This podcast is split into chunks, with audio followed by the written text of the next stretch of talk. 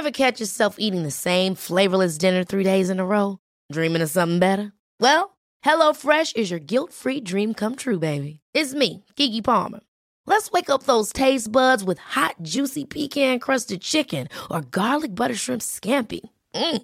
Hello Fresh. Stop dreaming of all the delicious possibilities and dig in at HelloFresh.com. Let's get this dinner party started. Ryan Reynolds here from Mint Mobile. With the price of just about everything going up during inflation, we thought we'd bring our prices down. So to help us, we brought in a reverse auctioneer, which is apparently a thing. Mint Mobile unlimited premium wireless. Ready to get 30, 30, bit to get 30, bit to get 20, 20, 20, bit to get 20, 20, bit to get 15, 15, 15, 15 just 15 bucks a month. So, Give it a try at mintmobile.com slash switch. $45 upfront for three months plus taxes and fees. Promo rate for new customers for limited time. Unlimited more than 40 gigabytes per month. Slows. Full terms at mintmobile.com. Systrarna Elvstrands hästpodd är producerad av Mediahouse by RF.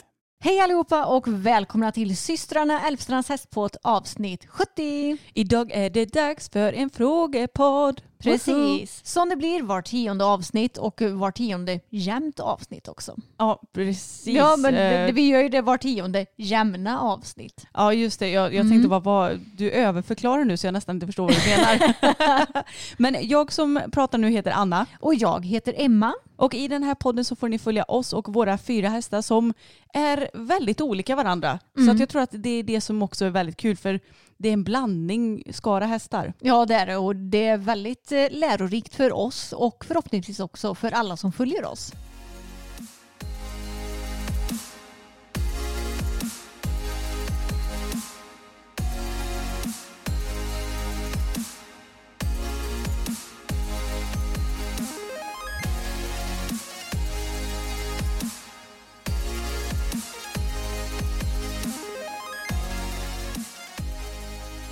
Hey yo, what's up today sis? Det är bra med mig. Hur är det själv Gums? Jo men det är bra. Alltså jag var ju hos sjukgymnasten, ja det blir för en vecka sedan nu när ni lyssnar. Och han sa att antagligen så har jag en skada på min yttre menisk. Men han trodde inte att det var någon skada, skada som behöver opereras. Trodde, som ju alla sjukgymnaster säger, de kan ju inte veta när de inte röntgat.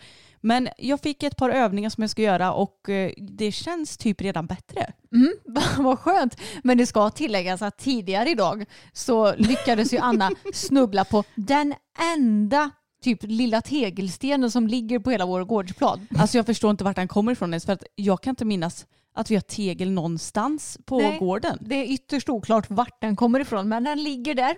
Och sen så lyckades du snubbla på den och jag hörde bara aj och jag tänkte bara nej inte nu igen. Det har varit tillräckligt med ditt jäkla knä. Ja jag vet. Nej men jag, jag vet inte, det var när jag stötte i tån i tegelstenen så gjorde det ont vid menisken, antar jag att den sitter där. Så, men det gick över fort så att det var lugnt. Och jag ska ju göra övningar två gånger om dagen nu helst så att jag försöker vara så flitig jag kan. Men det är också någonting som är lite tråkigt med det här eh, sjukgymnastbesöket. Jag har ju fått hoppförbud.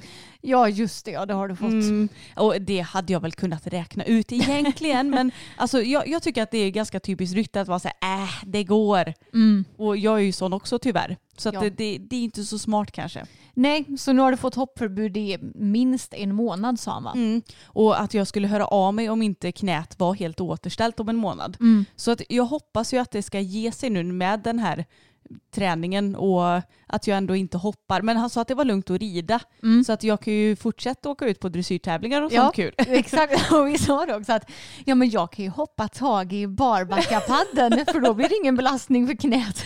Nej, jag skojade med mig och sa det. Men han sa ingenting om barbackapadel. Ja, Nej. Är du sugen eller? Ja, egentligen. Men jag tänker också att skulle jag tappa balansen och Tage hoppar åt sidan eller någonting, man vet ju inte. Alltså, jag orkar inte ramla av igen och riskera att det ska gå upp igen.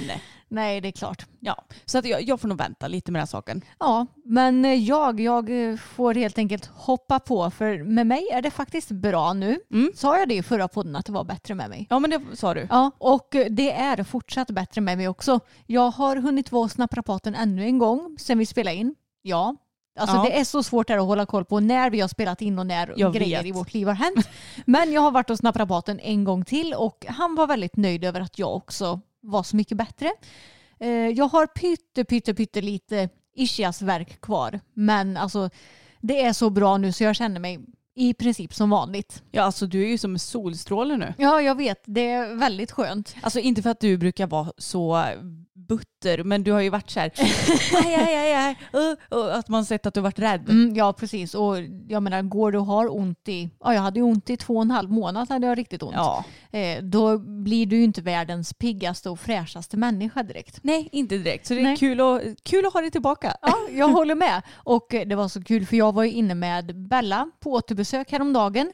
Och eh, det första Torun, min veterinär, sa när hon såg och spådade var att ni ser så pigga och glada och fräscha ut. Så det såg hon på mig med en gång. Ja, men alltså jag garvar ju ihjäl mig för att du sa ju det att eh, ja, du ska få berätta lite mer om återbesöket snart. Mm. Men du har ju ridit alla gånger som du varit hos veterinären nu. Mm. Och då så sa jag, men hur hoppar du upp då? För att på Husaby så de har ju inte jättehöga pallar där. Nej. De är ju betydligt lägre än vad våra pallar är här hemma. Mm. Och då sa jag, men hur kom du upp då när du hade så ont i benet? Ja. Nej, då fick de ju hämta ekiterapeutens jättehöga pall som hon har när hon typ knäcker till hästarna lite Ja. uppifrån. Ja men det är ju typ en sån pall som vi har. Mm. Som har så tre höga steg så att man bara kan liksom sätta i foten direkt i stigbyggen så man inte behöver höja benet någonting i princip. Nej, alltså den pallen är ju säkert typ 80 centimeter hög eller någonting. Ja, och den var jag ju tvungen att ha förra gången jag var inne. För det var, hade varit helt omöjligt för mig att hoppa upp på de små pallarna för jag Mm. kunde liksom inte lyfta benet. Och sen så, alltså när du har ischiasvärk, kroppen luras ju att tro att du inte har några muskler kvar som kan användas. Ja, det så, så man blir ju så här rädd för att ta i med det benet också. Eh, Så jag var ju liksom så här, "Åh, kommer jag komma upp och ha kraft i mitt ben om jag ska trycka ifrån när jag är så nära marken? Mm. Så då var de tvungna att hjälpa mig med det och jag kunde inte heller springa eftersom att jag inte kan liksom föra fram mitt ben. Men nu den här gången när jag var inne, oj oj, jag flög fram på gången där jag och Bella sprang. Vi båda flög fram så himla fint, travade på båda två. Och sen när jag skulle hoppa upp och rida, då kunde jag hoppa upp på lilla pallen. Ja men alltså det är ju en vinst bara det. Ja, alltså det är ju ingenting som jag knappt kan utan ischiasmärta tänkte jag säga. För vi, är inte, alltså vi har ju alltid höga pallar och vi är ju inte världens smidigaste människor och vi har ju våra höftproblem och allt vad, allt vad det nu är. Men det gick jättebra. Alltså jag blev typ helt förvånad över hur lätt det gick att hoppa upp. Du kanske har så tränat upp det nu under tiden som du har varit skadad så att du har Mm. blivit lite smidigare. Det vet man ju inte. Nej men alltså kanske. Så det var väldigt kul att eh, jag äntligen känner mig som vanligt igen. Jag eh, fortsätter ju dock att inte göra några sorts marklyft, att jag inte har någon stång på axlarna, inte gör någon benpress för att det, är liksom, det komprimerar ju ihop ryggraden. Mm. Och eftersom det är mitt diskbråck som jag har haft problem med så får jag vänta med det tills jag är verkligen 100% bra, har min naprapat sagt. Så eh, jag har ju fortfarande lite restriktioner på gymmet och sådär men jag mår kanon. Gud vad härligt. Men alltså nu undrar ju alla, hur gick det för Bella då? Ja det gick jättebra. Jag visste ju redan det här. Ja. Ja. men alltså så kul, så nu ska hon igång igen. Ja, hon ska igång igen och jag kan ju berätta lite hur själva återbesöket gick till. För det första så blev det ju nästan lite kaos när vi kom till kliniken jag och Bella. För då hade jag skrivit upp i min kalender, ja vi ska vara inne på onsdag klockan åtta hos Torun och klockan nio hos Charlotta som är vår ekiterapeut. Och eh, jag hade liksom haft kontakt på mejlen med Husaby så jag var ju så här säker på att ja det stämmer. Så åker jag dit och sen har jag tagit in Bella och så ska jag anmäla mig i receptionen. Och då är det en kvinna som precis, precis har anmält sig innan mig.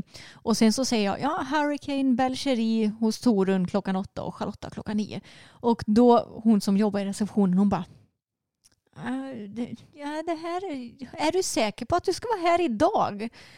Och då sa kvinnan som hade varit eh, eh, anmält innan också bara, jag har också tid hos Torun klockan åtta. Och då tänkte jag bara, vad är det här?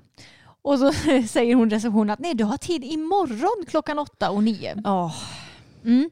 Och då fick jag lite panik. Bara, Herregud, har jag gått och blivit senil eller vad är det för fel på min hjärna? För jag var 100% övertygad om att det var på onsdagen som jag skulle in och inte på torsdagen. Så då fick jag så här gå till Bella och eh, liksom började ta på henne grejerna. Men sen så tänkte jag efter och bara, nej men alltså jag är nästan 100% säker på att det är idag jag ska in.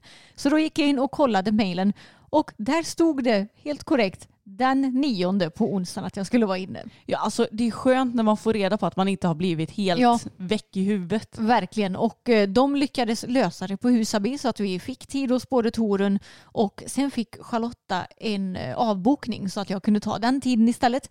Så det löste sig ändå väldigt smidigt även om de hade lyckats dubbelboka oss. Ja, alltså tack och lov. För annars hade du fått åka dit dagen efter igen och det hade ju varit jättesegt. Ja, precis. Men eh, det är ju sånt som händer. Ja, ja. Alla, alla kan göra fel ibland och det löste sig ändå väldigt bra som tur var. Ja, det är härligt när saker och ting löser sig. Exakt. Men då började vi i alla fall att Torun skulle se på oss när vi sprang och så att det såg bra ut och då fick Bella ha på sig sin, ni vet den här lilla huvan och eh, så har hon även en grej på benet som mäter hennes rörelser så att man ser ifall det är några avvikelser. Och det såg bra ut. Sen så longerades hon även och det såg också bra ut i båda varven. Och sen var det då dags för mig att göra ett ridprov. För det är ju i ridningen som hon har visat upp sina problem allra mest och det har ju varit att hon har stannat, inte velat gå framåt, skjutit in rumpan jättemycket till vänster och ja, varit väldigt ovillig kan man ju säga. Och inför det här besöket nu som jag gjorde på Husaby så kände jag att nej, nu måste jag banne mig ta och testa det här ordentligt. För jag hade ju börjat känna mig mycket bättre i min kropp och eh, kände att jag är inte lika defensiv i min ridning längre utan att jag vågar faktiskt rida på utan att riskera att få ont eller något sånt där liksom. Så då provade jag att rida henne först på lördagen innan vi skulle in och då red jag på banan. Och hon var ganska så krånglig alltså precis när jag satt upp och i början av passet och kändes lite stel och sådär. Men sen när hon kom igång så fick jag riktigt bra känsla och hon frustade nöjt och sådär som hon brukar göra när hon jobbar på bra. Och sen dagen efter eller två dagar efter så red vi ut, vilket gick superbra. Hon tyckte det var väldigt kul samtidigt som Ja. hon var väldigt lugn och snäll som hon ju alltid är. Och sen så red jag också henne en gång till på banan dagen innan jag skulle in till kliniken. För det är på banan som hennes ridbarhetsproblem brukar komma upp mest. Och framförallt vår bana för hon, hon tycker ju inte att det är jättekul med dressyr och sådär. Och hon tycker det är roligast när det händer något nytt så hon tycker det är kul att typ åka iväg och hoppa eller träna och rida ut i skogen och sånt där. Men alltså dressyr på vår bana, nej hon kan protestera lite grann ibland även om hon inte har någon skada eller har ont. Men i alla fall, då gick det jättemycket bättre än vad det gick på lördagen. Så det hade liksom blivit bättre och bättre för varje pass och eh, hon visade i princip inte på några problem alls. Nej men alltså det är så otroligt roligt att det Ja, men jag tror att hon behöver ju känna efter i sin kropp också så att Mm. hon känns okej. Ja, Men gjorde ni något böjprov den här dagen? nej det gjorde vi inte. Nej, utan och, ni bara sprang. Ja exakt, för hon har aldrig visat på någonting på böjprov. Nej. Utan det har varit vid longering och ridning som man har kunnat se att hon har typ rört sig ojämnt och sådär. Mm. För Men- vanligtvis kan vi ju tillägga också att Ja. man brukar göra böjprov om hästen har någon hälta eller någon sån där orenhet. Mm. Men eh, du behövde inte göra det för att du hade ridbarhetsproblem egentligen så. exakt. Mm. Och eh, på Husaby då när jag skulle rida då blev ju det fjärde gången som jag red henne då efter den här lilla skadan eller vad man ska säga. Och det gick ännu bättre än vad det gjorde dagen innan. Det var så alltså? Ja, alltså hon var så fin. När jag satt upp så skrittade hon iväg och skrittade jättesnabbt och var jätteglad. Den enda gången som hon stannade upp det var när jag kortade tyglarna första gången i skritten. Men det var inga problem att få henne framåt sen. Och sen efter det var hon superpositiv, rörde sig så fint. Hon är så himla mjuk i sidorna, mjuk i munnen. Alltså jag får jätte, jättebra känsla på henne. Ja, vad kul. Och Torun kom också och kikade på oss och hon var jättenöjd. Hon sa att det ser ut som en helt annan häst. Och det känns som en helt annan häst. Det känns som en helt annan häst. Så nu är jag väldigt glad. Nu får jag rida igång henne igen. Hon har blivit behandlad av Charlotta så jag ska vänta ett par dagar till med att rida igång henne. Men vi har i alla fall fått ett litet schema kan man säga. Där jag ska rida tre dagar, vila en dag. Rida tre dagar, vila en dag. Och att de tre dagarna att det blir lite upptrappning. Så att det är liksom ett lugnt pass först, sen ett medelpass och sen ett lite hårdare pass. Och sen blir det vila. Mm. Och du kommer rida igång direkt i typ alla gångarter och sådär eller? Ja, precis. Bara det att de, alltså passen i början kommer ju vara kortare och enklare än de passen eh, som blir sen då. Så att jag kommer trappa upp det successivt men att jag ändå får rida ja, men som vanligt nu egentligen. Gud vad roligt. Ja. Och när får du hoppa och så igen då? Eh, Torun sa att jag får hoppa som vanligt igen om sex veckor. Men jag kan ju redan nu börja med bommar och cavaletti och sådär. Så hoppningen är också någonting som jag kommer att trappa upp lite grann successivt. Och alltså jag är bara så glad över att hon äntligen får börja ridas igen. Ja, det har vi längtat efter allihopa Ja, tror jag. jag har saknat eh, det så mycket för hon är så otroligt rolig den hästen. Och eh, vi sa det också att eh, nu får vi hålla koll på henne så att hon fortsätter kännas bra och om hon börjar kännas dålig igen då vet vi om att vi kanske behöver behandla SI-leden igen. För det är ju kring den som hennes diskskada ligger och eh, vissa diskskadehästar behöver ju behandlas och Bella kanske är en sån häst som behöver behandlas lite då och då för att hålla sig fräsch i sin kropp. För jag kan ju tänka mig att det är den här disken som har gjort att allt det andra har kommit också. Ja men det känns ju som det. För att det har ju varit liksom bara rulla på med alla krångligheter här nu. Ja, exakt. Så det känns ändå skönt att ha fått lite koll på vad det kan ha varit. Och sen så har ju också Charlotta, vår ekiterapeut, varit skadad. Så jag har inte varit hos henne på ett halvår nu. Och skulle egentligen varit där kanske i februari någon gång tror jag. Så eh, om, eh, om Charlotta också kan hålla sig frisk nu så tror jag att eh, det kommer bli kanon. Vi skyller på Charlotta. Ja, verkligen. Nej, det gör vi inte. Men det blev ju inte riktigt som planerat. Nej, precis. Men något annat som är kul det är att jag har faktiskt anmält mig och Boppen till en tävling också. Ja men så kul. Ja, den 19 så det blir nu till helgen på lördag. För då har vår klubb, Vara Hästsportklubb, en lokal hoppning. Heter den lokal nu för tiden? Nej, Enstjärnig. är enstjärnig, tvåstjärnig tror jag det är. Ja, precis. Så den, en sån sorts tävling ska vi anordna. och då tänkte jag, varför inte åka dit och skutta lite med Boppis? Ja men precis och vi kommer ha klasser 80 och 90 bedömning A. Mm. Så det är ju, ja men man säger ju inte att det är en clear round men det är Nej. ju typ en clear round. Mm. De med minst antal fel blir lika placerade. Exakt. Och sen så ska vi också ha en 1 meter och en 1,10 bedömning A0 A0 Mm. och avdelning B också såklart. Så att det ska bli jättekul. Jag ska stå på banan och vara lite banchef och eh, en jättetrevlig banbyggare kommer och bygger Mm. som eh,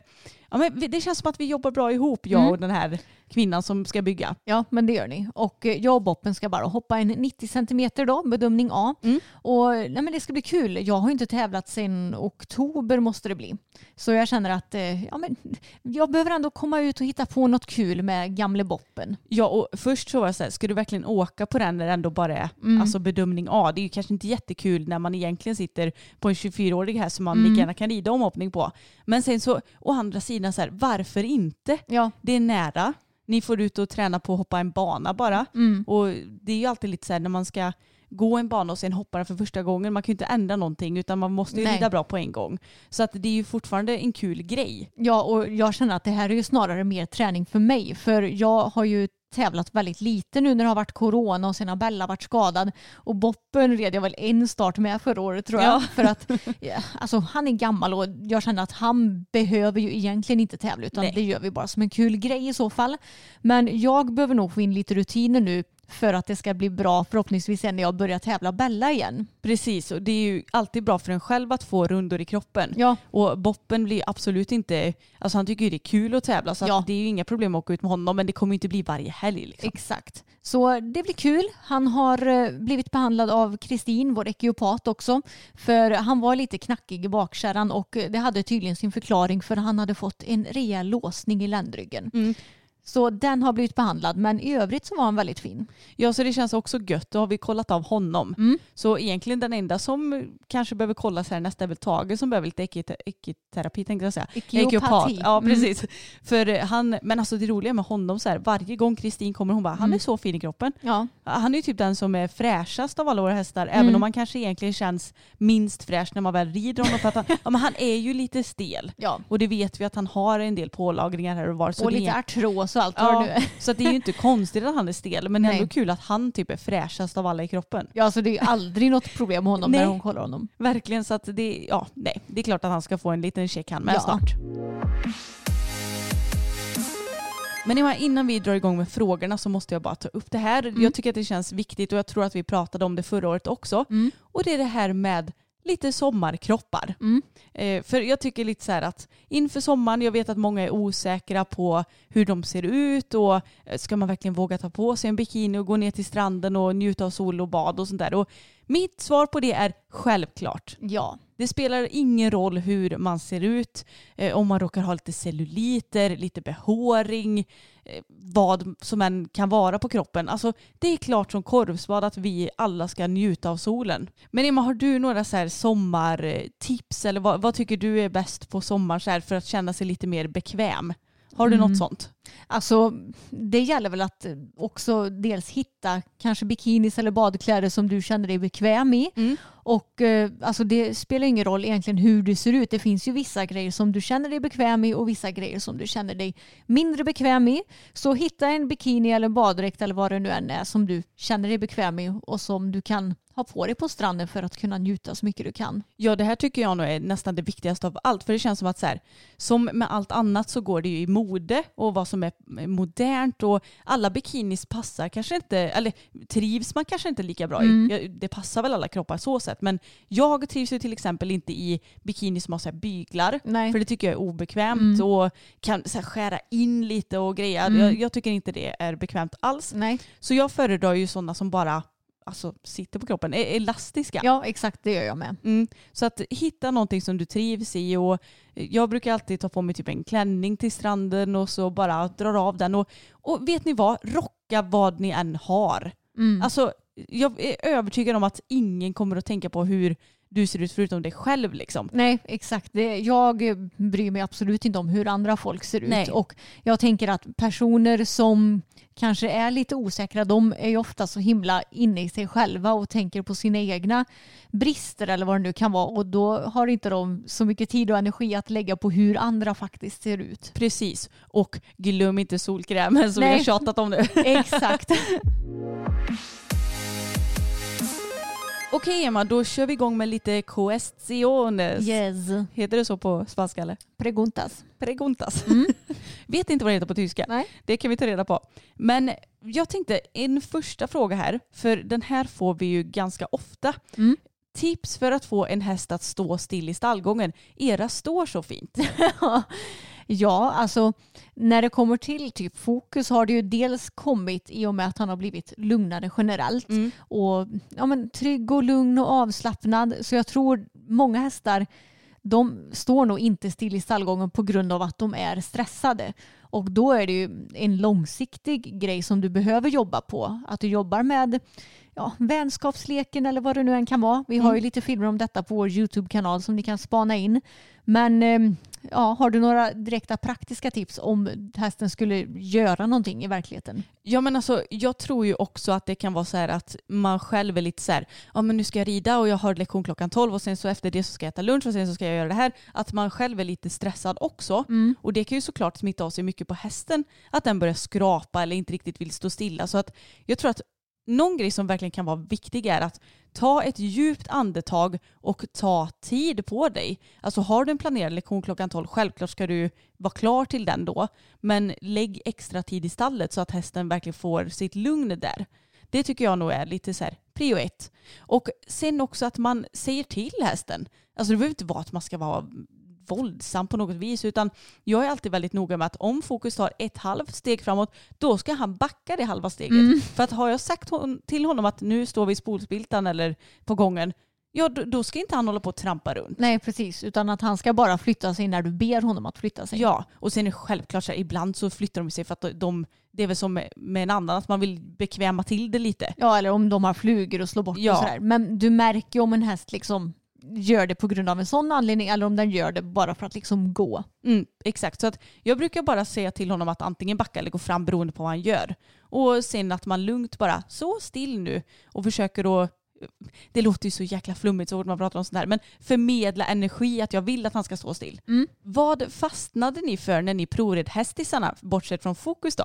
Ja, eh, ja men Tage det var ju att han, alltså det sa väl egentligen klick för oss båda. Ja, och det var så härligt för att då var han ju kanske lite mer, han var ju mycket mer självsäker då innan Mm. vi hade börjat rida på, för en dålig tränare och allt sånt där. Och han var bara så himla, alltså man kunde styra på vilket hinder som helst och han Mm. bara studsade över och allt kändes så enkelt tycker jag. precis. Så det var väl det med Tage egentligen. Sen att han var så himla söt också Ja. såklart. eh, Boppen, ja men herregud det var ju verkligen megaklick för både dig, mig och pappa. Ja men det är helt sjukt. Alltså det var ju typ en eufori att rida den hästen och känna att wow vilken välriden trygg häst. För då hade vi ju blivit lite osäkra för att Tage han eh, stannade väldigt mycket på hinder och vi ramlade av otroligt mycket. Så att alltså anledningen att vi köpte Boppen var ju för att få en trygg hopphäst och det kände man ju verkligen på provningen att det här är han. Verkligen, han hade verkligen lagom med energi, han var pigg utan att vara het och han var otroligt välriden. Alltså det var ju den mest välridna häst vi suttit på och som jag har suttit på än idag skulle jag säga. Ja, jag har ju ridit eh, Mirandas eh, Ja. Pippi också. Ja, så hon slår ju Boppen då. Ja, men, Men utöver det så, ja, men han var helt fantastisk. Så fin i dressyren, så fin i hoppningen och även om han var mycket större än andra hästar som vi ridit så fick vi ju extremt bra känsla. Och jag vet att jag hoppade 1,20 på honom på provridningen och det eh, hade jag ju typ aldrig gjort innan. nej, och jag vet att jag hoppade också typ så här 1,10 eller någonting och då var jag ju skiträdd så att ja, det var helt otroligt. Men Belsan då Emma? Ja men Bella hon var ju bara fem år när jag provred och köpte henne och eh, jag ville ju ha en påläggskalv efter boppen och jag kände när jag red henne också att hon är ung men hon känns så extremt trygg i psyket och i ridningen. Så det var det som jag föll för när det kom till henne. Hon, eh, eftersom hon var ung så var hon ju inte så himla stark i kroppen så det där med att typ samla galoppen eller få till något finlir det gick ju inte riktigt. Men jag kände ändå att grundridningen var bra, grundkänslan var riktigt bra och hon tog mig verkligen fram till hindren på ett väldigt tryggt sätt. Så att jag kände att jag fick bra självförtroende när jag red henne. Mm. Ja, jag eh, red ju henne lite också och jag kan känna att då tyckte jag inte att hon var så rolig. Alltså, jag, jag hoppade ju ingenting för jag var så här, ju- är hon bara fine att sitta på på marken så är jag okej med det. Liksom, för att, ja, men är du sjuk eller någonting då behöver jag ju rida henne. Så. Men eh, jag fick ingen toppenkänsla Nej. men jag såg ju på dig och jag såg ju på själva din ridning och själva hoppningen att det här är ju Emmas häst. Ja, och du tycker att hon har blivit mycket roligare idag att rida. Mycket. Det är som natt och dag nästan. Ja, men när hon har blivit starkare då har hon också blivit mycket bättre. Jag sa det att alltså när jag köpte henne, hon kunde ju till exempel inte byta galopp då. Nej. Utan det var ju lite som en stor bumling som man satt på. Men nu är hon så himla smidig och byter galopp så lätt och fint. Och även nu när hon inte har gått knappt på ett halvår så gör hon byten och sådär när jag Ja, byter varv. Jag är så väldigt härlig. Det är en person som undrar här vilka våra största olikheter är. Ehm, ja men det är väl att du är lite mer, vad ska man säga, organiser, organiseringstjej än vad jag är. Ja, lite mer typ perfektionist när det kommer Ja. till sådana grejer. Precis, alltså jag är väldigt organiserad när det kommer till typ administrativa grejer i företaget och sådär. Men du är ju mycket mer organisator när det kommer till städning och att allt ska ha sin plats och sådär. Jag är lite mer, jag vet vart jag har mina grejer så jag behöver inte sortera det på ett Nej, det precis. Men ja, jag skulle också säga att det är våra största olikheter. Mm. Om ni skulle hitta ett perfekt hem till Fokus, skulle ni sälja honom då? Ja, alltså det här är ju en väldigt bra fråga. Hade, Mm. jag fått ett, hade jag fått ett bud från ett hem som var helt total perfect? Kanske. Mm. Jag vet inte, det är så svårt att föreställa sig för det har ju inte hänt än. Nej, Men eh, inte helt omöjligt ändå. nej. Hur ser Bellas framtid ut med eh, skadan och sånt? Jo men alltså egentligen är väl det lite oklart men förhoppningen är ju att hon ska kunna gå som vanligt som den tävlingshästen som jag vill att hon ska vara. Sen så tänker ju inte jag planera för att liksom rida några större klasser med henne men ändå ha kul på en hobbynivå. Och eh, ja, alltså planen är ju att hon ska hålla som ridhäst. Mm. Sen så vet man ju aldrig hur det blir i framtiden men vi ska ju jobba för att hon ska göra det. Ja, precis. Men vad hade varit ett litet drömmål att hoppa för klass då? Nej men jag vill ju rida 1,10 i alla fall så småningom. Mm. Och det tror jag inte kommer bli några problem när vi har fått träna upp oss mer och sådär. Men det ligger ändå ganska så långt in i framtiden. Ja, precis. För det, det är nämligen, vi får ju alltid väldigt mycket frågor om vad vi har för mål och sånt. Mm. Och det är så svårt att svara på. Alltså, jag känner med fokus i alla fall. Ja, men så långt dressyren kan ta oss Mm. är ju jättekul. Sen får vi se vart, vart det landar. Om det är Mills C eller om det är ännu högre. Det vet ju inte jag. Nej. Men jag vill verkligen utveckla honom så mycket jag bara kan. Och vi kommer ta mer tränarhjälp. Jag har ju inte tränat dressyr sedan i december så det är ju skamligt. Men det kommer väl. Och eh, de andra två är egentligen att de ska bara hålla så friska och fräscha som Ja, möjligt och exakt. tävla om det kommer upp något kul. Ja, och jag har haft så svårt för att sätta mål med Bella också eftersom att ja, men precis när hon har börjat bli riktigt bra så har hon typ blivit skadad igen. Så jag vill liksom inte planera för mycket in i framtiden utan jag får se vad som händer helt enkelt. Ja, men du och jag är ju ganska mycket sådana att vi tar det som det kommer istället för att Exakt. ha spikade mål. För jag, jag har bara blivit besviken många gånger när jag haft så här tvär Mm. starka mål och då är det bättre att ta det lite som det kommer. Hur lär man sig att sitta ner i traven? Har ni några bra tips på det? Ja, Anna, du har ju suttit väldans mycket mer ner i traven än vad jag har gjort det senaste. För jag, alltså jag vet inte, jag är inte jättebra på det. Sen så är mina hästar pissjobbiga att sitta på också så det kan ju bero på det. Ja, alltså det är klart att det underlättar ju att ha en häst som ändå rör sig en del. Mm. Kanske inte supermycket för då blir det nog jobbigare åt andra hållet. Men det som Bella, hon har ju lite mer en Stötig. Ja, och lite mer symaskinstrav, vilket folk brukar kunna relatera till. Mm. Alltså hon travar ju fint, men du fattar vad jag menar. Det är Ja. mer så här, Den är Japp. väldigt jobbig att sitta ja i. den är extremt jobbig att sitta i. Men för att underlätta så är det jättebra att träna upp bålmuskulaturen. Mm. Alltså sen jag började träna på gym så har jag märkt enorm skillnad. Mm. Och eh, ja, alltså okej, prio ett, få fram hästen för skänken. Ja, jo verkligen. Ja, alltså om den är seg och inte lyssnar på när du vill att den ska börja trava eller vill att den ska länga ut traven, då är det väldigt svårt att sitta ner i traven. Mm. Då får man sitta där och det blir gärna att man klämmer med hela benen och, och allt sånt där. Och sen så tror jag att många tänker också att de ska sitta så himla still i traven också. Mm. Och att det blir så här att man nästan motjobbar hästen snarare än att jobba med den. Ja. Tänk på att du ska flyta med. Exakt. Mm. Och försöka att få in, något som har hjälpt mig också är att försöka tänka att man ska få in svanskotan in under sig. Mm. Så att man försöker sitta lite mer på röva snarare än att sitta på fiffi. Ja, exakt. Och eh, om du lyckas med det så beror det också ofta på att du har en tillräckligt stark bål.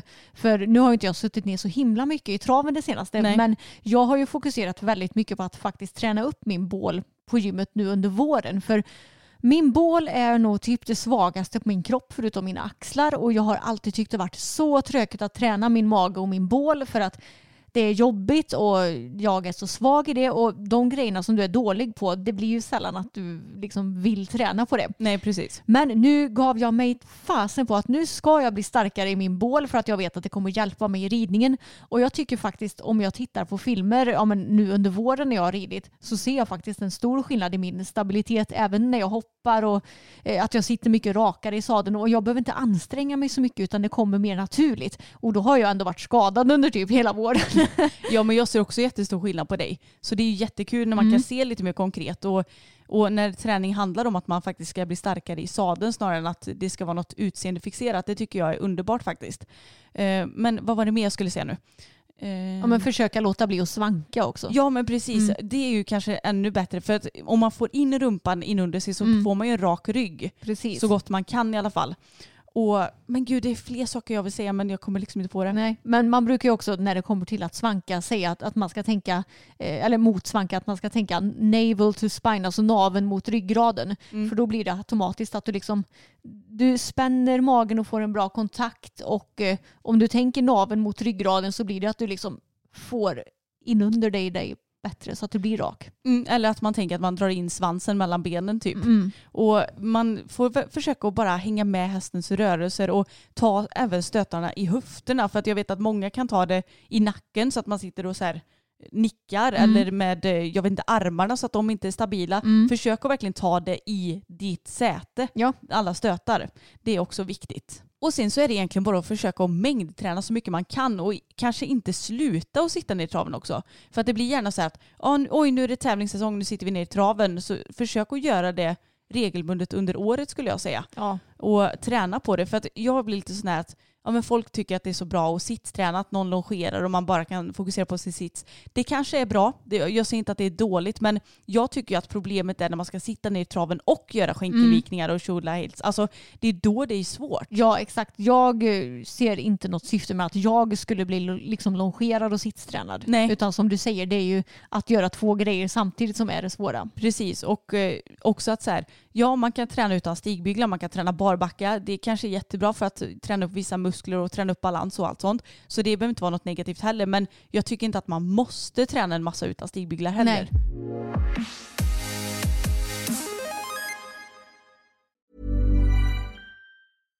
One size fits all seemed like a good idea for clothes Nice dress. Uh, it's a it's a t-shirt. until you tried it on. Same goes for your healthcare. That's why United Healthcare offers a variety of flexible, budget friendly coverage for medical, vision, dental, and more. So, whether you're between jobs, coming off a parent's plan, or even missed open enrollment, you can find the plan that fits you best. Find out more about United Healthcare coverage at uh1.com. That's uh1.com. Hey, I'm Ryan Reynolds. Recently, I asked Mint Mobile's legal team if big wireless companies are allowed to raise prices due to inflation. They said yes. And then when I asked if raising prices technically violates those onerous two year contracts, they said, What the f are you talking about, you insane Hollywood ass? So to recap, we're cutting the price of Mint Unlimited from $30 a month to just $15 a month. Give it a try at mintmobile.com slash switch. $45 upfront for three months plus taxes and fees. Promo rate for new customers for limited time. Unlimited more than 40 gigabytes per month. Slows. Full terms at mintmobile.com. Vad är viktigt att hålla koll på då hästen ska övergå från uppstallning på box till lösdriftsboende? Ja, alltså för vår del så har det väl egentligen inte varit så himla mycket att fundera på för att vi gjorde ju det egentligen efter sommaren tror jag att vi Ja. lät dem vara kvar ute och då var de liksom redan vana vid det för att de gick ute dygnet runt. Och jag vet inte riktigt vad man ska säga men man får ju hålla koll kanske lite extra på hästen så att man ser att den verkar vara lagom tempererad när Mm. det kommer till tecken och sånt så att den inte varken är för varm eller för kall. Eh, men och att kompisarna ändå är helt okej mot den också så att den Mm. inte blir helt mobbad och får stå borta i ett hörn i hagen och de andra står i lösdriften till exempel. Men annars så vet jag inte om jag tycker att det är så mycket att fundera på. Så. Nej, alltså jag tänker att du märker ju hur hullet blir på hästen om den Mm. går upp eller ner i vikt och eh, förhoppningsvis kan du hålla koll på bajset också för många hästar bajsar ju typ när man rider eller om man tar in den i stallet Mm. för att göra i ordning den. Och eh, ja, men har de bra med vatten i hagen så får man anta att de dricker ordentligt också. Ja men precis och det är klart att man får hålla ett öga på dem. Vi tittar till våra hästar många gånger per dag Mm. och ser till så att de vilar och inte ligger ner för att de har kolik eller ni fattar vad jag menar. Precis. Så man får ju hålla lite extra koll såklart. Men annars så är det nog inte så mycket att fundera på utan det är på att tuta och köra. Spänner ni lika många hål på båda sidorna av sadeljorden eller spänner allt på bara på ena? Jag försöker att spänna lika mycket på båda sidorna. Mm. Eller att det bara ska skilja ett hål. Och i synnerhet om man har typ någon sorts magplatta tänker jag. För då eh, ifall du spänner jättemycket på en sida då hamnar den ju snett i så ja, fall. precis. Jag, jag brukar också försöka att göra så jämnt man kan. Tycker ni att ridskolor borde lära ut horsemanship? Varför eller varför inte? Ja det tycker jag absolut. Men då ska det också finnas ridlärare som faktiskt är duktiga på det och som har koll på horsemanship. Jag håller med och jag kan tänka mig att det kanske ibland kan bli lite olönsamt om de skulle ha just mycket horsemanship för att Mm. det tar ju mycket tid och då kanske själva ridningen eller om det nu ska ingå i ett paket med ridning plus horsemanship att Mm. Det kanske blir väldigt dyrt för ryttarna men det hade ju varit optimalt. Verkligen. Man kanske skulle ja, men kunna ha kurser i alla fall i horsemanship som Mm. de som vill kan gå på. Och då kanske få hjälp av någon som är väldigt duktig på det, som är lite mer expert på Mm. olika sorters horsemanship. Om ni fick köpa vilken kändishäst inom citationstecken som helst, vilken hade ni valt? Oj, oj, oj. Och nu tänker vi inte på att de kostar typ 5 miljarder kronor styck. Nej, men herregud, jag måste tänka lite grann här nu. Mm. Ja, men jag tänker ändå att jag vill ha en dressyrhäst. Och jag tycker att Katrin Dufours Cassidy verkar så himla härlig. Så jag tror faktiskt att jag hade valt honom. Det Mm. kanske i och för sig är lite dumt för han är väl typ så här 17-18 år nu. Han är lite äldre. Ja, Mm. så det kanske i och för sig inte är mitt smartaste drag men jag tycker att han verkar så härlig. Ja, han verkar snäll. Ja, precis. Han verkar väldigt snäll och kan ju allting Mm. och hade ju säkert kunnat lära mig en jäkla massa. Ja, verkligen. Men vem hade jag valt? Ja, jag hade ju köpt en hopphäst i alla fall, men det finns ju så himla många fina. Så det är ju onekligen svårt att välja. En favorit som jag har det är ju Roffes Ermindo som han vann SM på. Ja, alltså året. den är så fin. Det är Ja. den mörka va? Den är brun och har en bläs. Ja, precis. Är den efter Casall? Det kanske den är. Ja, du, får nästan, du får nästan kolla upp den. Men den är ju en riktig favorit. Den är så vacker och eh, ser, den kanske inte är okomplicerad ut men han får ju alltid så himla fint flyt på banan och ja, nej. Ja, jag, jag gillar ju alla Roffes hästar och det beror väl säkert på att Roffe rider dem så otroligt bra så att det ser harmoniskt ut. Men ja, Ermindo det är en riktig favorit hos mig. Ja, nej, han var inte alls efter, eh, efter honom utan han är efter Singapore, Jaha. står det här. Och förutom Ermindo så är ju Karl Hedins podd en favorit hos mig. Ja, jäklar Ja. vad den hoppar. Den är så fin och den är så stor och jag gillar ju stora hästar. Mm. Och han ser också ut att vara dundersnäll, okomplicerad, ändå har energi och ja, men får så himla fint flyt på banorna och sådär. Sen är ju Karl också väldigt duktig så det är inte konstigt att de får bra flyt. Men det ser verkligen ut att vara en häst i min stil. Ja, du hade ju säkert kunnat eh, åka runt lite på en meter hoppningar i alla fall. Ja, förhoppningsvis högre än så också. Ja, jag skojar bara. Har ridskolans föl något namn än och vad heter den i så fall? Alltså det här har vi ju helt glömt av att ta upp. Ja, och det roliga är att jag har tänkt på det. Så här, nu måste vi säga det Ja. i nästa podd, nu måste vi säga det, men vi glömmer bort det hela tiden. Ja, ska du avslöja det Emma? Fölet heter Betty's Secret. Ja, och jag tyckte det blev jättebra. Ja, och kallas för prinsen. Mm, det gör han. Så att Betty Secret är hans riktiga namn och prinsen blir smeknamnet då. Exakt. Och nu så står han inte kvar på ridskolan längre utan nu går han och morsan på lite bete så att nu har inte vi träffat honom på länge. Nej, det är lite tråkigt. Ja det är lite trist faktiskt. Det var ju höjdpunkt, eller ja en av höjdpunkterna när man åkte dit att så här, åh, nu får man klappa på lite fölis Ja. men nej. Det är en som undrar vad som hände med veckans snackis som ni hade i podden för. Ja, alltså vi har ju lite slopat den punkten för att nu har vi ju istället flera snackisar brukar vi ha varje vecka. Ja och det känns som att så här, ska man försöka tvinga fram något ämne för att man ska ha en snackis. Nu är det mer naturligt så att jag hittade en artikel idag som man kan diskutera lite. Exakt. Vi tyckte att det blev ett bättre koncept. Ja, och förut hade vi lite annorlunda koncept på podden också. Att vi kanske hade ja, men ett ämne som vi pratade om hela avsnittet. Nu pratar vi lite mer om massa olika ämnen i varje avsnitt. Går era hästar på sommarbete eller kommer det tillräckligt med gräs i er vanliga hage? Nej, de går i samma hagar året runt och eh, vi har ju ja, typ tre hektar hagar skulle jag säga. Så de får ju tillräckligt med gräs. Mm, I alla fall i sådana här år tänkte jag säga. Ja. 08 var det, eller 08, 18. 18 menar jag. Då var det lite knapert så då fick vi Ja. stödfodra. Men det känns också lite så här att vi vill ju gärna hålla igång våra hästar under sommaren. De kan ju få lite lugnare perioder. Mm. Men vi föredrar ju att lägga vilan på vintern när det ändå är pissväder. Mm. och hålla igång så gott man kan på sommaren när det ändå är härligt väder. Då. Ja visst mycket flugor och så men det är ändå kul att hålla på med hästarna och det är lite tävlingar och så. Så att vi väljer att göra så. Och jag måste säga att en fördel med att ha hästarna på samma hagar året om, det är klart att det finns nackdelar också med att eh, det kan bli lite mer maskspridning och sånt, men Mm. man får ju mocka och ni fattar. Ja, och vi har koll på det. Precis, vi har koll på det. Mm. Men det är ju också att de, när gräset väl börjar komma så får ju de i sig det lite successivt hela tiden. Så att Mm. vi behöver egentligen inte vänja in våra hästar på gräs Nej. utan de gör ju det själva. Exakt, så det blir mycket mindre risk för typ fång och sådana sjukdomar. Mm, så det känns väldigt skönt tycker jag. Hur resonerar ni kring säkerhetsvästar? Jag typ älskar och hatar dem samtidigt. Ja, alltså det bästa är egentligen att rida med säkerhetsväst rent Mm. säkerhetsmässigt. Men vi tillhör väl lite den generationen som inte red så mycket med säkerhetsväst när vi var yngre. Så då blev det att ja, vi var ju tvungna att tävla med det tills vi ble, blev 18. Mm. Men sen så har ju vi typ aldrig ridit med det efter det. Nej, och min säkerhetsväst blev ju typ så här icke godkänd för att Mm. de ändrade lite regler och grejer. Så att jag, tror, jag slängde väl den för jag tänkte att det är ju väl ingen som vill ha en ogodkänd Nej. väst. Och nu är det ju lite så här att vi vill ju kanske ut och prova lite terräng någon gång.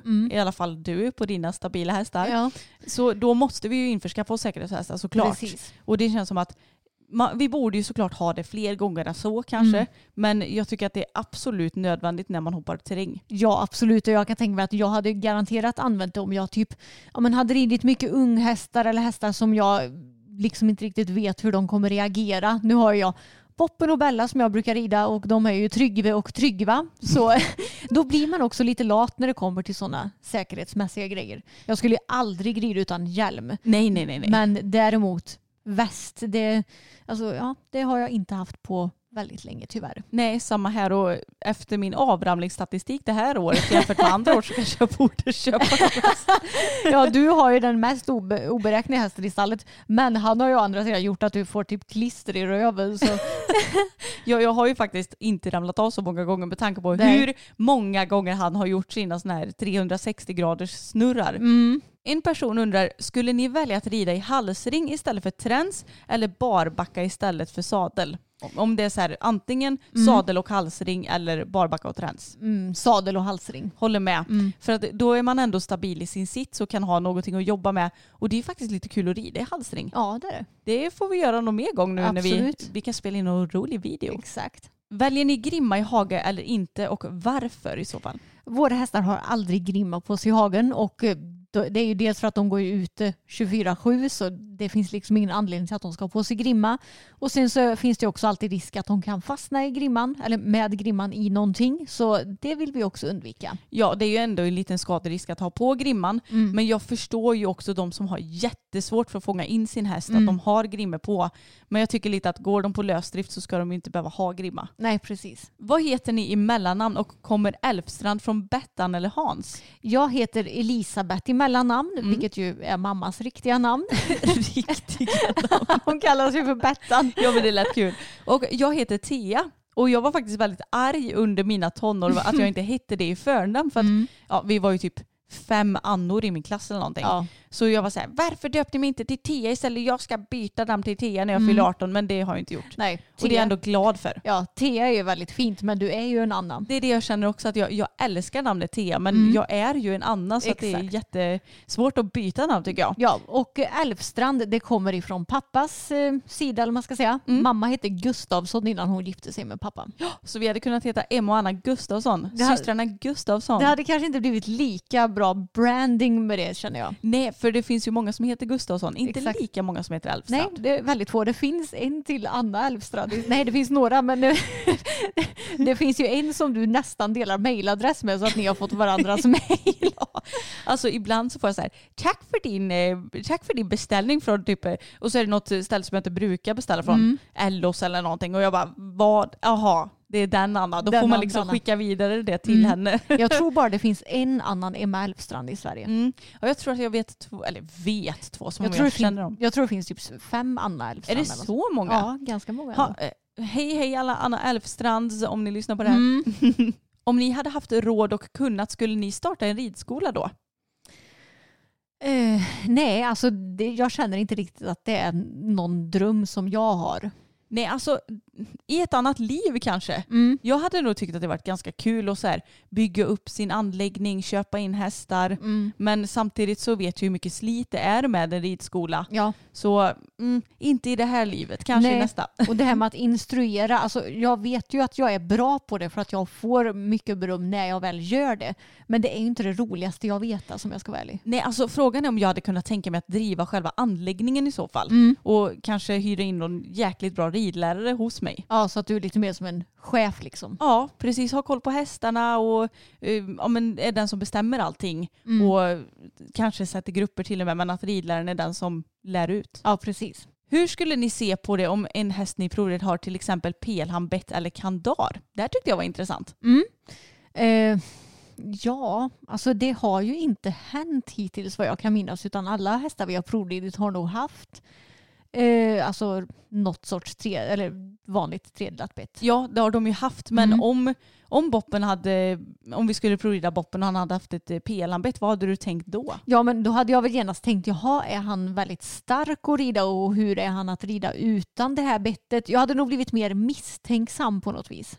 Ja, och jag tror att Alltså det är väl så helt fine att rida på det bettet som ägaren är van vid att Mm. rida på. Men då hade jag nog velat provrida en gång till på ett annat bett i så fall. Mm. Eller tränsa om och byta bara för att se hur den är på ett vanligt bett inom citationstecken. Ja exakt för nu har ju vi aldrig haft de problemen med våra hästar men jag har väl ändå förstått att ja, men säg att ifall en häst är van vid att gå på ett pelhambett så kanske det kan bli svårare i framtiden att rida på något vanligt tränsbett. Och det är ändå det som vi föredrar att göra och något som du också måste göra typ om du ska tävla dressyr till exempel. Ja, exakt. Då kan man inte ha vilket bett som helst. Och det är klart att jag fattar att vissa behöver ha lite skarpare bett och jag ser inga problem med det om man Mm. rider med snäll hand. Men mm, hade man provat en häst från marken och så bara, ah, ett pelhambett, nej. Det hade jag nog varit lite skeptisk till. Eller en grammantigel. Ja, gud, då hade jag åkt därifrån. Ja, då hade jag sagt, då hade jag tagit av den i alla fall. Ja, jag med. Så man hade sett hur hästen är utan den. Men alltså om någon hade typ, om jag skulle provrida en dressyrhäst och någon hade kandar på hade jag bara, ehm, går det att koppla av den ena tyget så jag kan rida med bara bridongen i så fall?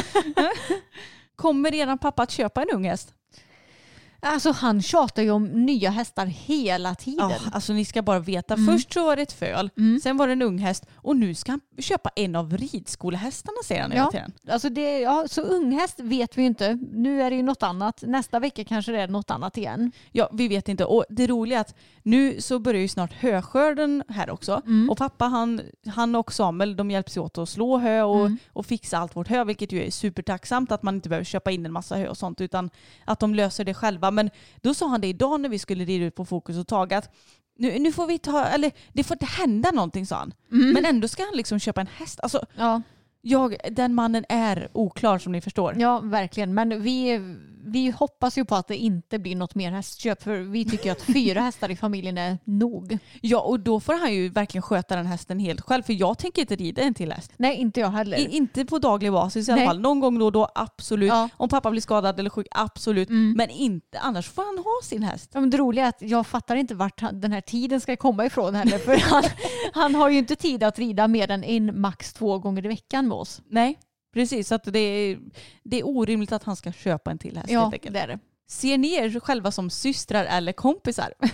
Systrar. Ja men alltså vi, vi är ju typ lika mycket systrar som kom- vi, vi är två bästisar som råkar vara systrar. Ja, verkligen. Men eh, jag ser ju det ändå som min syster. Och jag tror att många som är systrar kanske har en liknande relation som oss. Att man är bästisar fast man ändå är systrar. Vad gillar ni mest med hoppning och dressyr?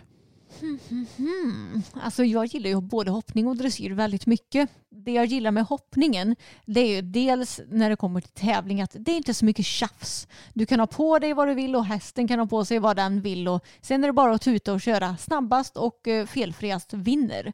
Och det, liksom, det känns väldigt eh, rättvist på något vis. Och det jag gillar med hoppningen också det är att ju mer tid du lägger på dressyren desto mer kommer det också löna sig i själva hoppningen.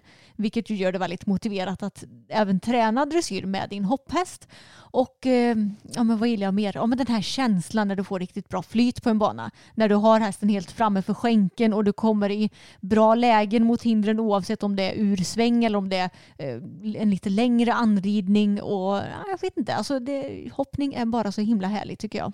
Ja, jag håller med och jag tycker att det är så häftigt när man har ridit en bana. Det, det spelar ingen roll om det är på tävling eller träning.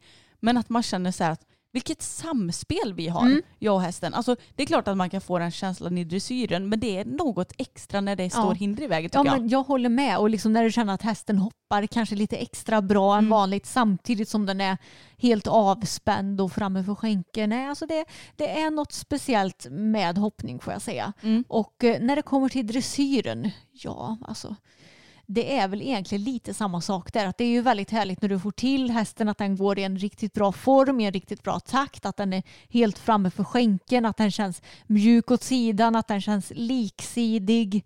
Ja, alltså du kan ju få till riktigt bra känsla även i dressyren. Ja, och det som jag tycker är roligt med just dressyren är att alltså det är klart att man kan utvecklas mycket i hoppningen, Mm. men i dressyren så är det ju så mycket mer rörelser som du kan lära dig också. Mm. I hoppningen är det ju egentligen bara galopp och hoppning. Sen så kan du ju hoppa hur högt som helst.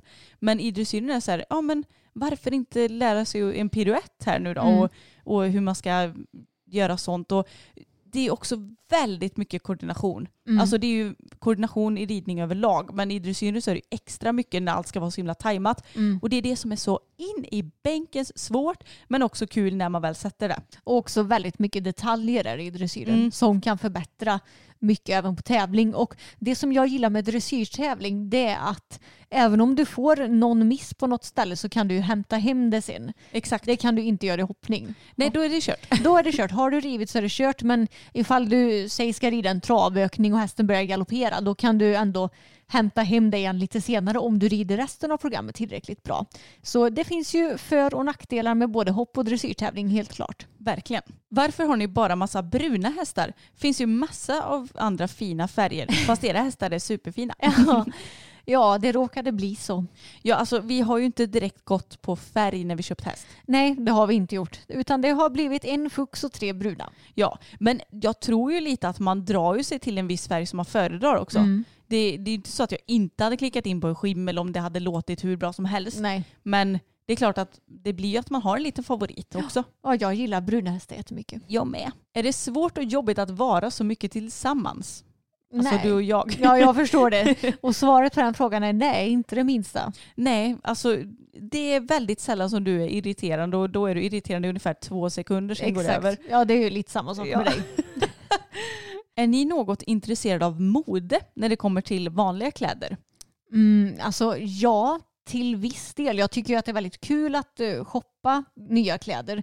Det händer ju inte så ofta eftersom jag typ aldrig använder vanliga kläder utan det är ju stallkläder, mjukiskläder eller träningskläder. Men ibland så går man ju ändå ut och har på sig lite vanliga kläder och jag tycker att det är kul men jag är liksom inte något intresserad av specifika trender och att jag ska följa en viss trend eller en viss färg per säsong eller vad det nu kan vara. Nej, jag är samma, samma där utan jag gillar det som jag, eller jag tar ju på det som jag trivs i. Mm. Och skulle aldrig få för mig att köpa typ en Gucci-klänning för 5000 kronor. Nej. Och jag är mycket mer så här att ja, men jag gillar budget. Jag, jag tycker inte om att lägga för mycket pengar på kläder så. Eh, och jag älskar ju att klä mig i typ orange och rött och gult, vilket Mm. jag har nämnt några gånger tror jag. Eh, men jag tycker det är kul med kläder men det kan också vara lite svårt för ja, men jag tycker att mycket kläder är så jävla obekvämt rent. Jo, jag vet. Det är det som är problemet med, med vanliga kläder. Att det är svårt att hitta något som känns både ja, men, smickrande och skönt att ha på kroppen och som jag trivs i. Exakt. Jag tycker det är mycket lättare med, ja okej det är kanske inte alls lättare med träningskläder kommer jag på nu för vi har ju fan ett märke som vi gillar att ha på oss ja. när det kommer till träningsbyxor och sådär. Men ja, det kan vara väldigt svårt att hitta specifikt byxor då för Ja. oss. Jag håller med för att antingen så är de för små i midjan eller för små i benen. Alltså, det, jag tycker alltid att det är svårt med just byxor. Men Mm. därför gillar jag ju sommar väldigt mycket. För att Jag jag älskar långklänningar och, Och jag, kjolar. jag älskar kjolar. Mm.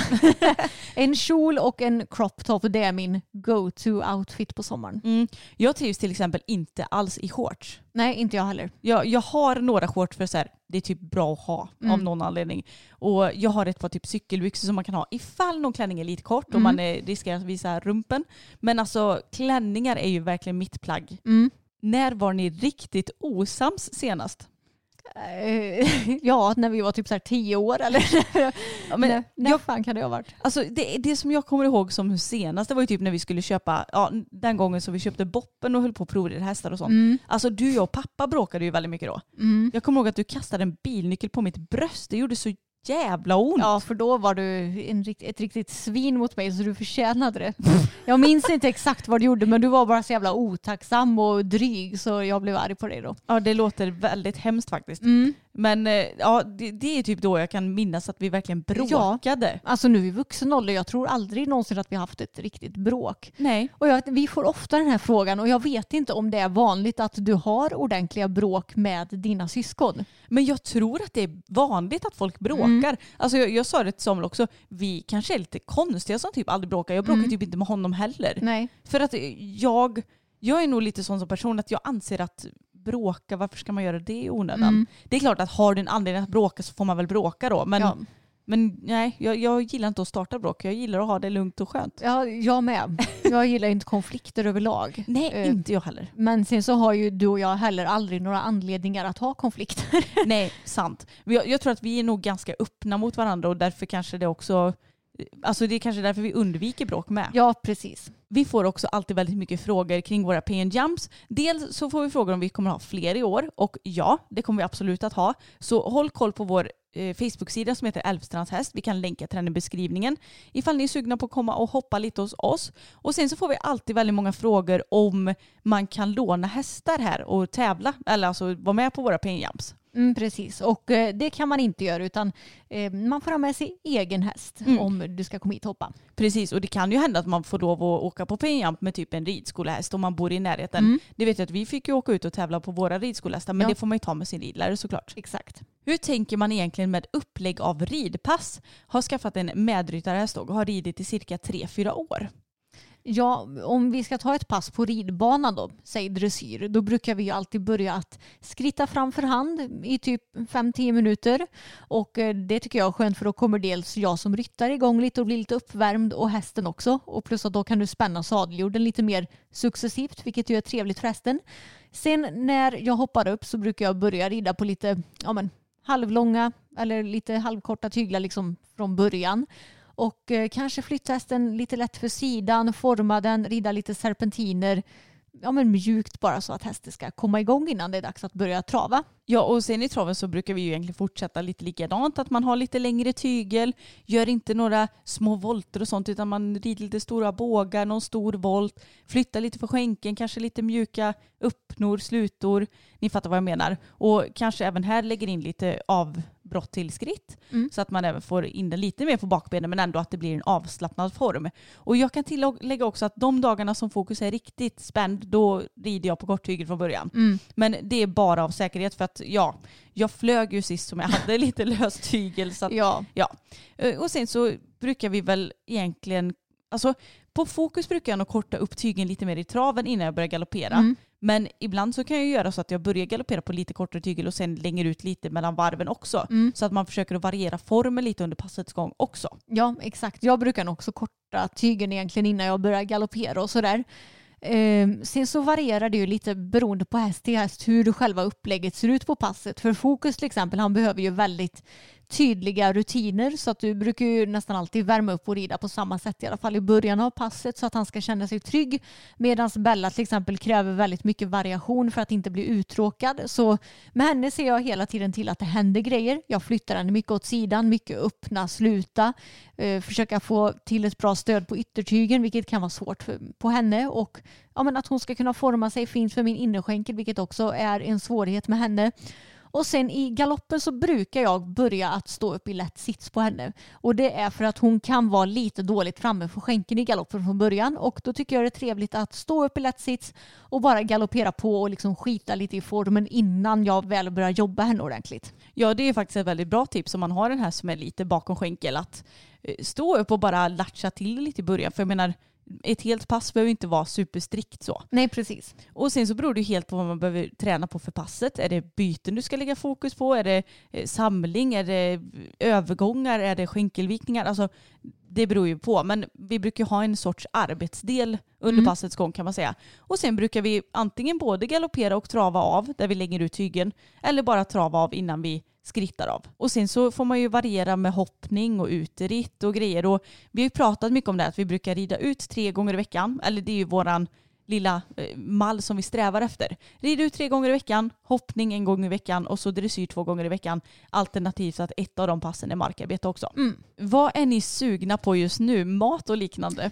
Alltså vi har ju relativt nyligen ätit lunch så jag är inte hungrig nu. Nej. Eh, sen så börjar jag faktiskt också få lite bättre kontroll på mitt eh, sockerbehov eller sockersug eller vad man ska säga. Ja. Så just nu är jag nog snarare sugen på kanske, alltså egentligen typ en citrusfrukt, typ en clementin men de är inte så jävla goda på sommaren. Nej så det är sant. det hade varit gott med här riktig julclementin nu. Alltså det är så gott. Varför Mm. finns inte det året runt? Ja. Jag fattar ju varför det inte finns året runt. För att det behöver ett visst klimat. Ja. Men man önskade ju att det fanns året Mm. runt. Nej jag vet inte. En liten banan hade varit gött. Ja, det är också alltid gott. Alltså banan är min favoritfrukt. Mm. Och när den är så här perfekt i färgen tänkte jag säga. Men Mm. skalet behöver inte alltid betyda att den är perfekt inuti i och för sig. Nej, precis. När du vill ju att de ska vara lite mer gröna Mm. och jag vill att de ska vara gula och brunprickar så de är så här härligt söta. Men sen får de inte bli för liksom, mjuka och soggy och äckliga. Liksom. Nej, men det gör inget om de blir det. För antingen kan man göra bananpannkakor Mm. eller så får hästarna äta upp dem. Eller så gör man banankaka. Ja det också. Åh. Okej det hade ju inte varit fel. Nej, men alltså vet du en annan grej som jag är sugen på? Är det pizza eller? Nej, inte pizza, men alltså inget matmässigt utan en grej som jag vill göra kan man säga. Är det någon glass eller? Nej, någonting som man kan hitta på snarare. Bowla? Nej, festa. Jaha. Alltså vi har inte festat sen i augusti tror jag. Var den sista festen som jag var på. Ja det var nog samma här ja. Mm. Så jag är riktigt sugen på att få till en riktigt så här vild fest eller vad man ska säga. ja men alltså vi brukar ju normalt sett inte festa sådär jätteofta. Nej, Eh, Det var, ju betydligt mer när vi var yngre. när vi var runt 20. Ja. Oj oj, då var det party systrarna Elfstrand. Ni ska Ah. bara veta. Det var typ varje helg så var vi ute på och dansade på dansgolven runt omkring Västgötaslätten. men, men, men nu för tiden så blir det ju inte så ofta så det är klart att nu känner man ju sig väldigt sugen på det. Mm. Någonting kul får vi hitta på på midsommar i alla fall. Ja, och speciellt nu när det är sommar så blir man ju sugen Mm. på det. Det är väldigt härligt att sitta ute och ha det gött och lyssna på musik tycker jag. Dricka lite goda drinkar och leka lite lekar. Ja och... det är så kul alltså. Mm. Vi har blivit värsta leksystrarna. Jag tyckte Jag inte det var jättekul när jag var yngre men nu tycker jag det är skitkul. Vill Emma gifta sig i framtiden? Ja, alltså det vill jag väl men jag har ju liksom inte varit en sån tjej som när jag var liten har drömt om ett så flott och fint bröllop som man kan se ibland i filmer och sådär. Mm.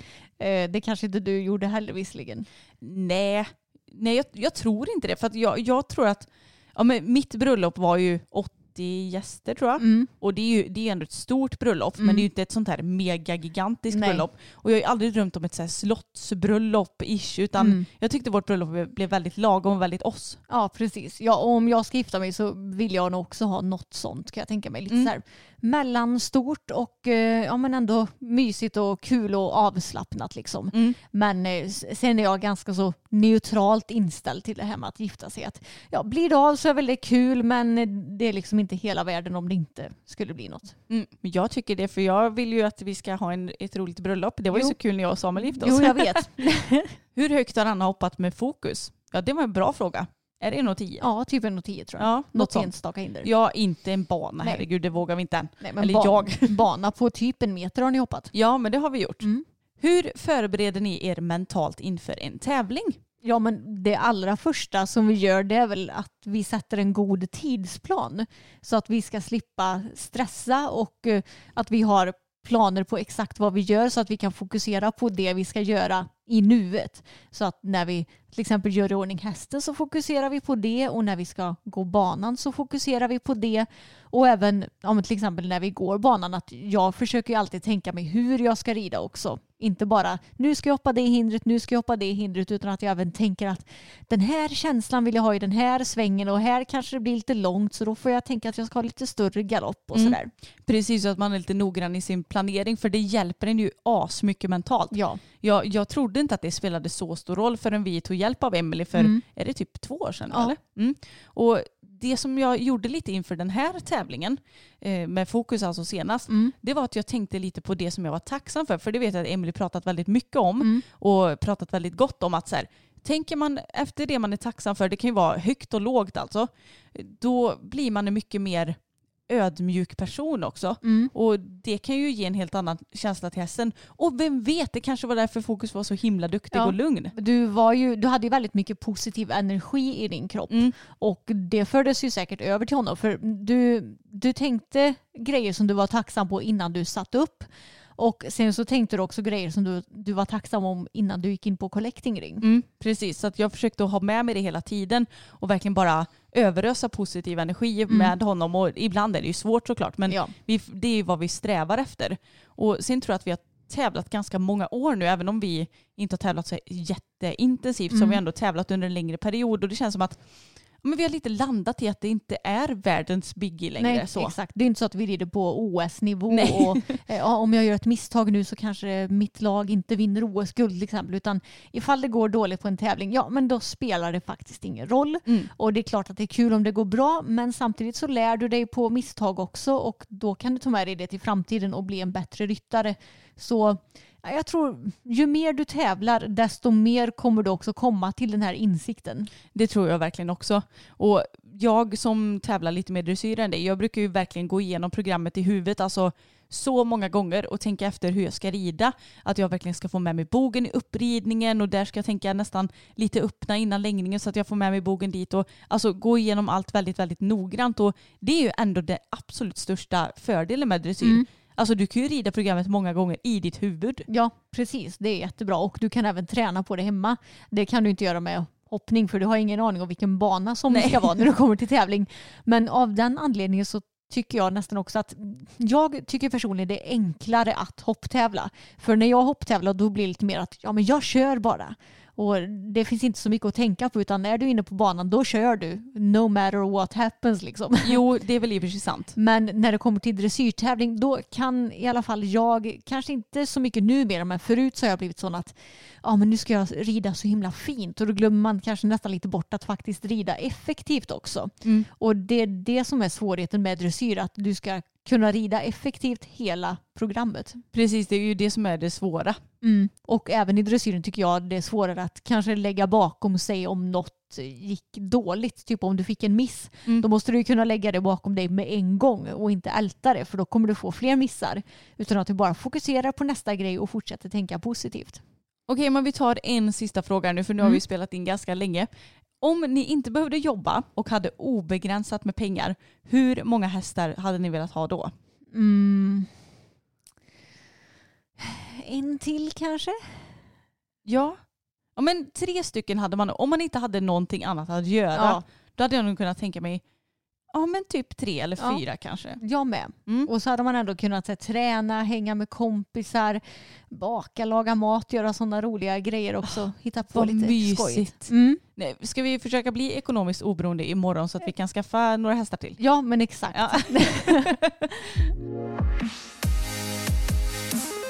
Okej, men det var allt för den här lilla frågepodden och vi får ju som vanligt massor med frågor vilket vi är så himla himla tacksamma för. Men vi hinner ju tyvärr inte svara på alla. Nej, så ni får helt enkelt eh, fortsätta ställa era frågor på vår Instagram inför vår nästa frågepodd som blir om hela tio veckor nu. Ja gud, det blir efter sommaren nästan ju. Ja, Nej, inte riktigt kanske. Slutet av sommaren Slutet av kanske. sommaren. Mm. Ja.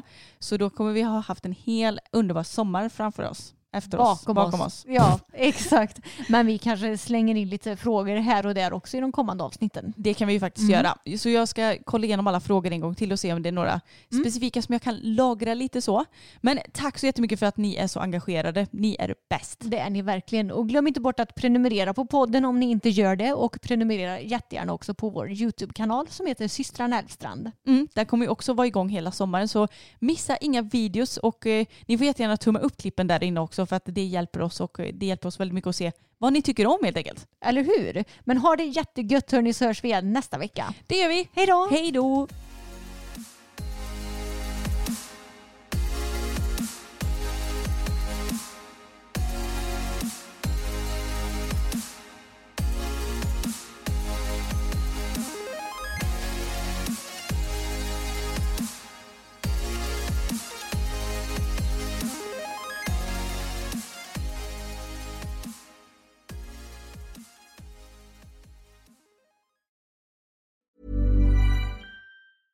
Okay, I have two new obsessions that I need to share with you.